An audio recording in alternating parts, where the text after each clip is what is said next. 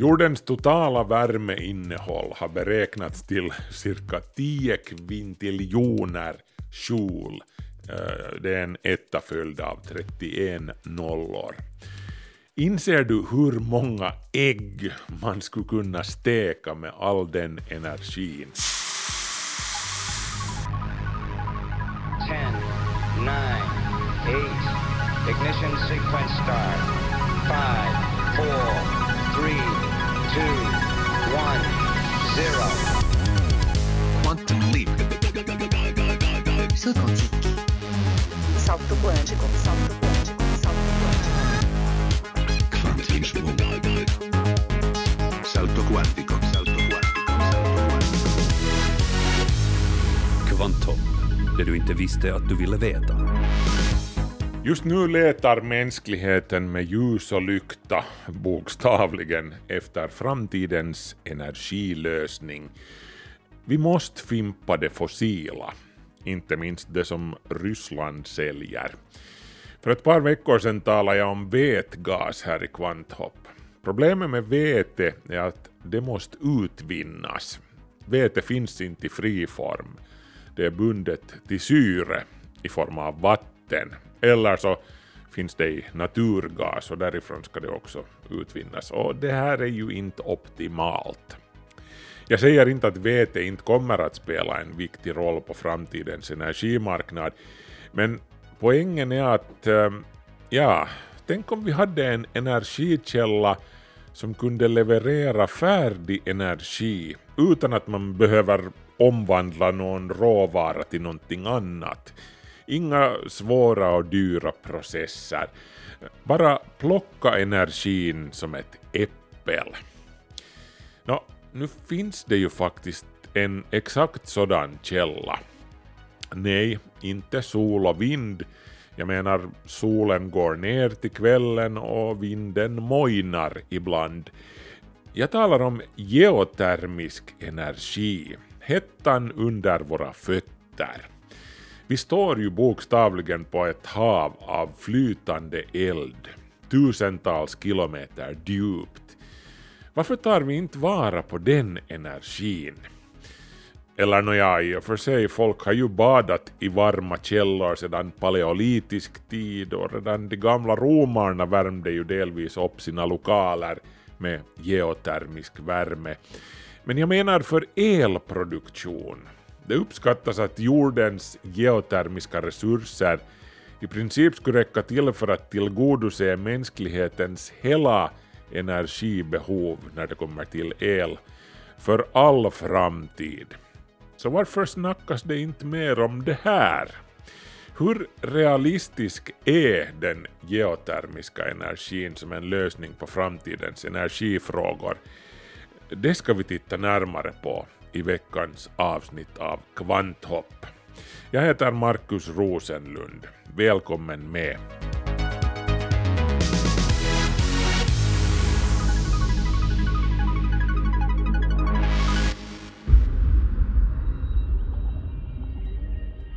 Det är ju egentligen ganska chockerande det här med hur grund vår livsfär här på jorden är. Jag menar alltså den del av jordskorpan som vi egentligen utnyttjar. Matjorden som vi odlar är bara några tiotals centimeter djup. Livets skikt här på jorden är på riktigt otroligt tunt.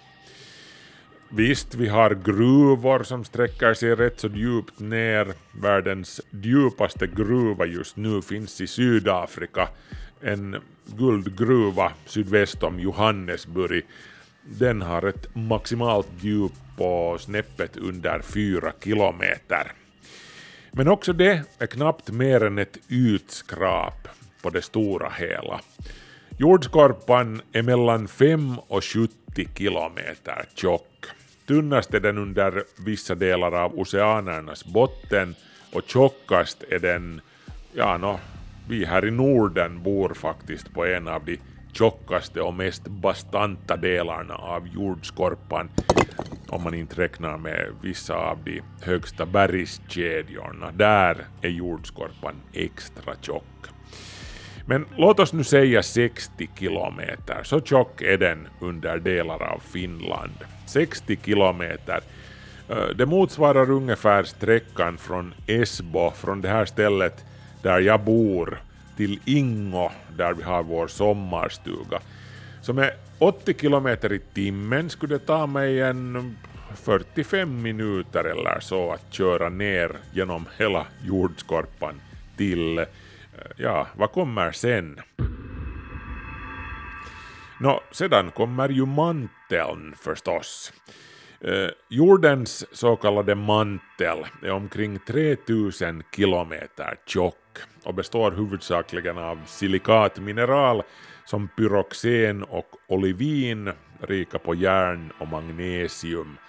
Manteln är till stora delar i fast form, men på geologiska tidsskalor så beter den sig som en trögflytande vätska med en konsistens som hos knäck ungefär. Rörelserna i det här plastiska materialet i den övre manteln Det vad som får den så kallade plattektoniken att rulla på. Jordskorpans inom citat flak, alltså kontinentalplattorna, flyter på det övre lagret av manteln. Och man behöver alltså inte gå djupt ner i manteln innan det blir riktigt infernaliskt hett. Strax under själva jordskorpan är det redan omkring 900 grader Celsius. Och hettan bara stiger an eftersom man går djupare. Nere i mantelns nedersta delar är det redan närmare 2000 grader Celsius. Efter manteln kommer vi till jordens kärna. Den består av en yttre och en inre del. Den yttre delen är drygt 2000 kilometer tjock och består till största delen av järn och nickel i smält form. Eh, jordens livsviktiga magnetfält uppstår just här till följd av det elektriskt ledande strömmande materialet i den flytande yttre kärnan. Och det är hett så det räcker och blir över i den yttre kärnan. Man behöver inte gå värst långt ner under manteln innan temperaturen stiger till bortåt 4000 grader Celsius. Till slut, längst in har vi den inre kärnan, omkring 1200 kilometer i diameter. Den antas ha en fast form. Trycket där nere är så stort att atomerna inte kommer åt att röra på sig värst mycket. Temperaturen i den inre kärnan antas ligga på drygt 6000 grader Celsius. Det är hetare än på själva solens yta. Vår kunskap om jordens uppbyggnad så långt ner är ju såklart begränsad. Det finns inga direkta observationer av vår hemplanets hjärta. Den kunskap som vi har bygger till största delen på olika geofysiska mätningar, framförallt seismiska sådana. Vi, vi har lyssnat liksom på jordens inre och ritat upp en karta av den. Vi har också lärt oss ett och annat från bergartsfragment från manteln som har kommit upp till ytan via vulkanutbrott eller andra processer. Och framförallt så har ju ingen rest till jordens medelpunkt, vad Jules Verne än säger. Våra djupaste gruvor sträcker sig som sagt bara några få kilometer ner i jordskorpan. Och det beror uttryckligen på att det blir väldigt varmt väldigt fort an eftersom man borrar sig neråt. I den redan nämnda guldgruvan i Sydafrika, världens djupaste gruva, är det cirka 65 grader varmt nere på 4 kilometers djup. Lite som i en svensk bastu, men helt tillräckligt svettigt om man är en gruvarbetare. I vilket fall som helst så finns det värmeenergi i massor och mängder att häva ur nere i underjorden. Jordens totala värmeinnehåll har beräknats till cirka 10 kvintiljoner joule Eh, det är en etta följd av 31 nollor. Inser du hur många ägg man skulle kunna steka med all den energin? Jag har räknat ut det. Man skulle kunna steka en hel massa ägg med all den energin. Nej, sorry, jag, jag har inte räknat ut det på riktigt. Men du kan ju göra det om du har tid. Jag har inte. Eh, 10 kvintiljoner joule, utgå från det. Meddela mig sen vad du kom fram till. Eh, en amerikansk studie nämner hur som helst att det finns energi nog i jordskorpans 10 översta kilometer för att förse oss med all energi vi behöver för de kommande 217 miljonerna åren med nuvarande konsumtionstakt. Och all den här värmeenergin den har ju funnits där nere i flera miljarder år och kommer att finnas kvar där nere i flera miljarder år till. För jordens del så känns det absolut ingenstans om vi snor lite energi där nerifrån. Eh, jorden är som en enorm termosflaska som svävar i rymden vars inre energiresurser alla kan dricka sitt lystmäte ur. Och obs, då menar jag alltså inte olja utan det som finns längre ner. Eh, vi behöver ju dessutom inte gräva oss ända ner till manteln eller till kärnan för den delen för att kunna ta tillvara lite av all den här härliga energin. Värmen från underjorden stiger ju uppåt som värme gör. Den heta manteln värmer upp jordskorpan också. På sina ställen läcker den ju till och med igenom jordskorpan där som det förekommer vulkanism.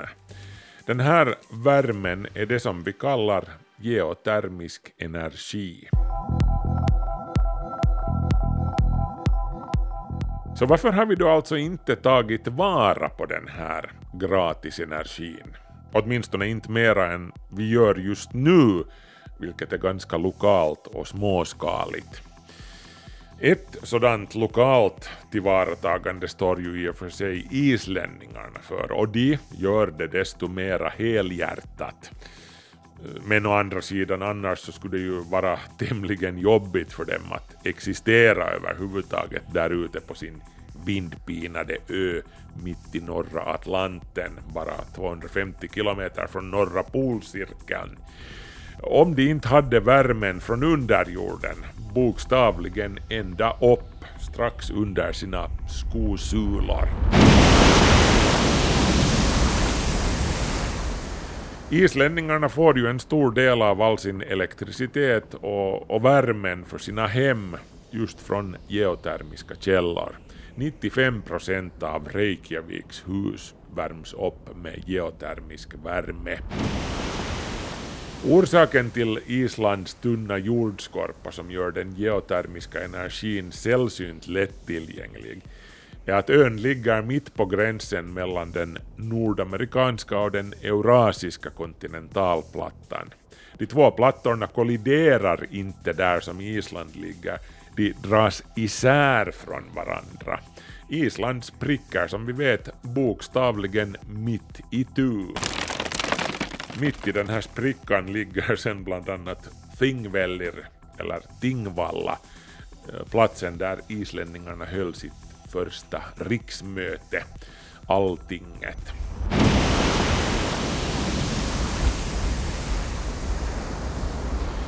På de flesta ställen på jorden stiger temperaturen med ungefär 25 grader Celsius för varje kilometer som du borrar dig ner i jorden.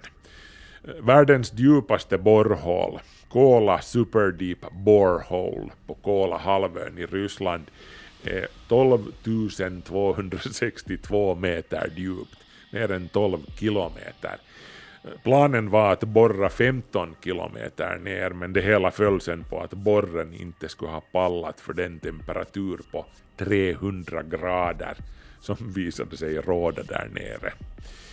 Men det var alltså på Kolahalvön. På Island behöver du däremot bara borra dig ner en enda kilometer för att termometern ska visa 200 grader Celsius.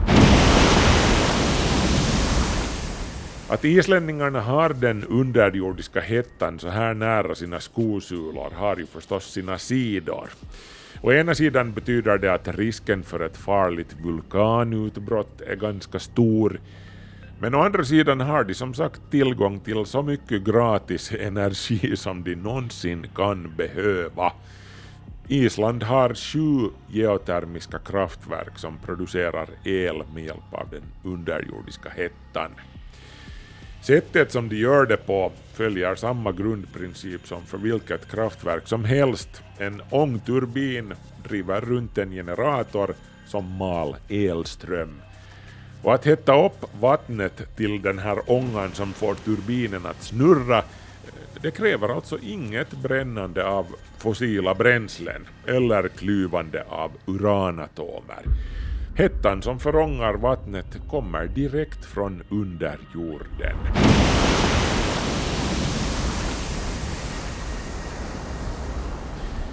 Och så här gör islänningarna alltså.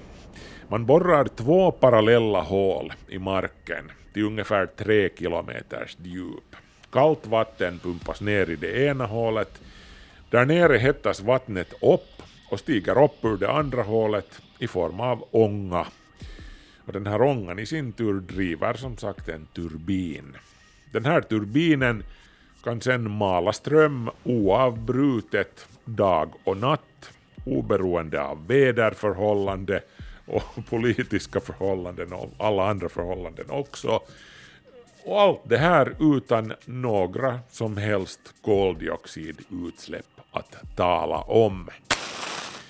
All den här gratisenergin har gjort det möjligt för Island att anlägga stora smältverk för aluminium, någonting som kräver stora mängder energi, som i de flesta andra länder kommer från fossila bränslen i en eller annan form, ofta i form av naturgas.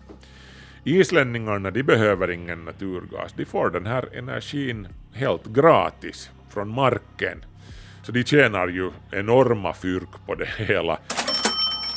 Aluminiumindustrin står just nu för nästan 40 procent av Islands bruttonationalprodukt. Island har på kuppen blivit ett av Europas rikaste länder. Ångan från de geotermiska källorna leds också genom ett landsomspännande rörnät till Islands städer där den här ångan värmer upp islänningarnas hem och övriga fastigheter. Och den värmer upp stora växthus också så att Island kan producera en massa grönsaker som annars inte skulle ha en chans att växa på en så ogästvänlig och, och kall ö. Ni i Närpes är säkert ganska avundsjuka på, på islänningarna, eller hur?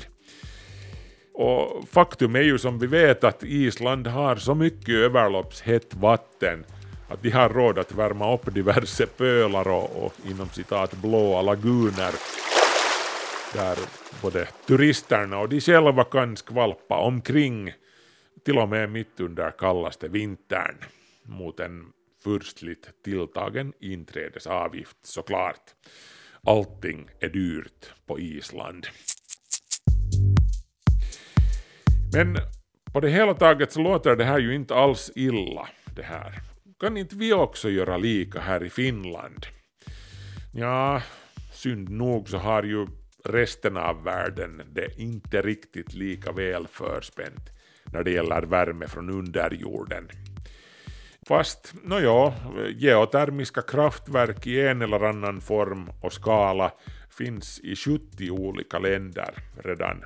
Eh, rangordnade enligt produktion är de största av de länderna USA, Indonesien, Filippinerna, Turkiet, Nya Zeeland, Mexiko, Kenya, Italien och Japan. Världens totala geotermiska elproduktion är just nu drygt 14 gigawatt eller cirka 1% av världens totala energiproduktion. Utöver det här kommer sen ytterligare 28 gigawatt i form av fjärrvärme, spa-anläggningar, industriprocesser, avsaltning av havsvatten och, och jordbruk.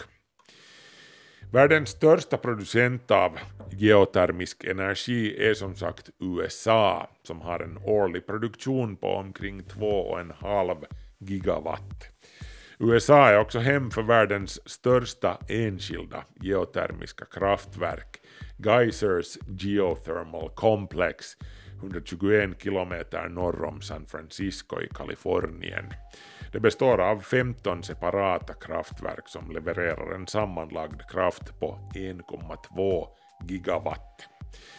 Det har beräknats att USA sitter på en mängd potentiell geotermisk energi som i teorin skulle räcka till för att täcka landets hela energibehov under de kommande 2000 åren utgående från dagens konsumtion. Om man skulle utnyttja den till max, det vill säga, vilket man uppenbarligen inte gör.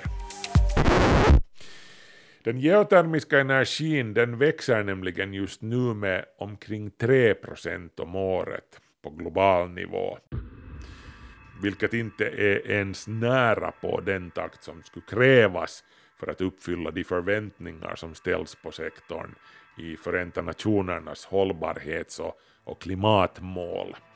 För att klara det här målet borde geotermisk energi växa med omkring 10% per år, åtminstone fram till 2030. Det här enligt beräkningar från internationella energiorganet IEA. De regioner där den geotermiska energin växer snabbast just nu, de ligger så gott som alla i regioner där som kontinentalplattorna ligger och skaver mot varandra eller vid någon vulkanisk hotspot.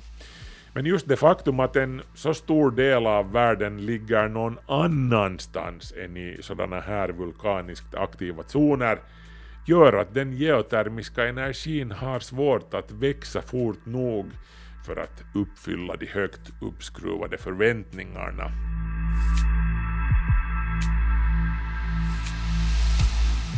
Och det är här som den riktigt stora utmaningen sen ligger. Hur ska resten av världen få sin del av den läckra, ångande geotermiska kakan? Har vi här i Norden alls någon chans med tanke på hur bastant vår jordskorpa är? Jag menar, det är liksom inget sammanträffande att vi inte heller har några gejsrar eller några vulkaner här i Finland eller Sverige eller Norge. Nå, men å andra sidan så betyder det ju sen att vi har en sak mindre att oroa oss för i form av vulkanutbrott och sånt som islänningarna får dras med. Men nu är det ju ett faktum att vi har haft ett pilotprojekt på gång sedan 2014 här i Finland också i Otnäs i Esbo under energiföretaget ST1s ledning. Ett geotermiskt projekt som har drabbats av många förseningar under årens lopp. Också Fortum var med på ett hörn där, men de meddelade helt nyligen att de drar sig ur projektet. Eh, Fortums uppfattning är att de 6,4 kilometer djupa värmebrunnarna som har borrats i Esbo inte går att utnyttja till kommersiellt gångbar fjärrvärmeproduktion som var tanken med de här hålen. Ursprungligen var alltså meningen att man skulle producera 40 megawatt energi med hjälp av de här Otnäshålen som just nu bara är två dyra hål i marken utan någon klar plan för hur och när de ska leverera någon energi. Och här kommer vi alltså till utmaningen som man stöter på när man ska börja utvinna geotermisk energi i regioner där värmen sitter djupare ner. Det går att göra faktiskt, men man får gå en omväg. Istället för att köra med ånga direkt ur marken, sådär som islänningarna, använder man sig av en så kallad binär lösning. I en sådan modell borrar man sig alltså ner till en existerande vattentäkt som ligger så djupt att temperaturen är kring 100 grader Celsius där, eller högre. I praktiken snackar vi då om drygt 3 kilometer neråt i genomsnitt i icke-vulkaniska områden. Finland har en väldigt tjock berggrund som sagt, så, så här krävs det alltså djupare hål. Nå, hur som helst, i den binära lösningen borrar man alltså två hål i marken. Från det ena pumpar man upp varmt vatten från underjorden. Värmen från det vattnet tas tillvara med en värmepump i stil med de här eh, luftvärmepumparna som allt fler värmer sina hus med, också här i Finland. Fast med vatten istället för luft då, när vi talar om geotermisk energi. Kylmedlet i den värmepumpen driver sedan en turbin som får en generator att snurra. Och tada! Elström. Det kalla vattnet det pumpas sen tillbaka ner i marken efter att det har levererat sin värme. Och den här metoden gör det alltså möjligt att utnyttja geotermisk energi långt från vulkaniska områden och förkastningslinjer. Fast alla värmepumpar och andra prylar som krävs för det här gör hur som helst den binära tekniken till en dyrare metod än den direkta ångan som till exempel islänningarna kör med. Men sånt är livet antar jag. Smakar det så kostar det. Eh, ST1s hål i Otnäs är faktiskt snäppet mera avancerat än den vanliga binära tekniken. Eh, det representerar en metod som kallas Enhanced Geothermal System, eller EGS, det vill säga ett förstärkt geotermiskt system. På ren engelska är det här i princip samma som den kontroversiella tekniken kallad fracking, en teknik som främst har kommit att associeras med oljeborrning. EGS eller fracking går alltså ut på att man pumpar ner kallt vatten i det ena hålet med högt tryck eller till och med hydrauliskt tryck. Vilket får berggrunden där nere att eh, inom citat leva en aning. Man talar om inducerad seismicitet eller att inom citat stimulera berggrunden. Tanken är alltså att man vill utvidga existerande sprickor där nere och skapa nya underjordiska reservoarer. Allt för att få vattnet att strömma bättre genom berget där det värms upp innan det stiger upp genom det andra hålet. Och det här är inte helt oproblematiskt. Grejen är nämligen den att man på riktigt orsakar jordskalv på det här viset. Jo, det här har också hänt med ST1s hål i Otnäs. Den mängd vatten som vi har, har tryckt in vad heter det, i berget så har förorsakat sådana små mikrojordskalv. Och, och det är ju flera tusentals kubik vatten som vi har skuffat in i, i, i berget, vad heter det så. Hittills har den största inducerade jordbävningen där mätt 1,9 på Richterskalan. Den inträffade den 8 juli 2018. De största seismiska incidenterna kring hålen i Otnäs har sedan observerats runt omkring i huvudstadsregionen i form av åskliknande ljud eller smällar. Vissa av jordbävningarna har känts av ända borta på Brändö i östra Helsingfors. Otnäs ligger alltså på västra sidan av Helsingfors. 2006 utlöstes en jordbävning i Basel i Schweiz med magnituden 3,4 då vatten injicerades i marken under högt tryck för ett geotermiskt energiprojekt. En annan jordbävning med en magnitud på 3,5 på Richterskalan utlöstes sen nära Sankt Gallen 2013. Risken för att utlösa stora och förödande jordbävningar är ändå väldigt nära noll i områden som Finland, där berggrunden är så tjock och stabil som den är. Men i de områden av världen som ligger närmare diverse förkastningslinjer och andra seismiskt instabila zoner kan det här bli ett problem och en riktig risk om man tar i för mycket när man inom citat stimulerar berggrunden. Så det här är definitivt någonting som man måste ta i beaktande. En annan sak som bromsar tillväxten inom den geotermiska energin är att det helt enkelt är väldigt dyrt att borra flera kilometer djupa hål i berget. Inte minst när man inte har några garantier för att man faktiskt får det man vill ha ur det hålet. Inte minst ST1s experiment i Otnäs har ju visat att geotermisk energi kanske inte hör till de mest lockande investeringarna för den som väntar sig en snabb och säker utdelning. Då är kanske sol och vind trots allt säkrare kort och framförallt billigare kort. Framförallt med tanke på att priset på solpaneler hela tiden kommer ner i pris.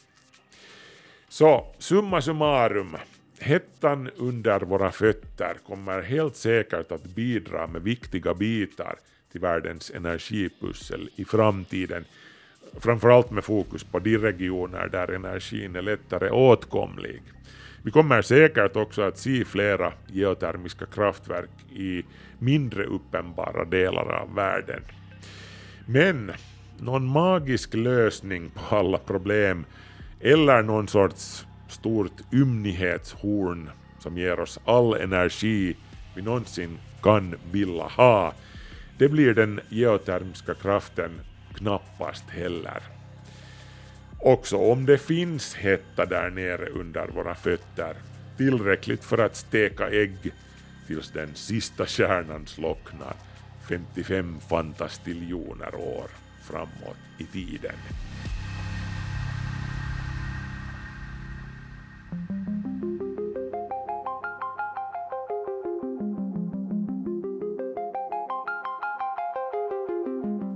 Nåja hörni, Kvanthopp är slut för den här veckan, men ett nytt avsnitt väntar på Yle Arenan igen nästa lördag.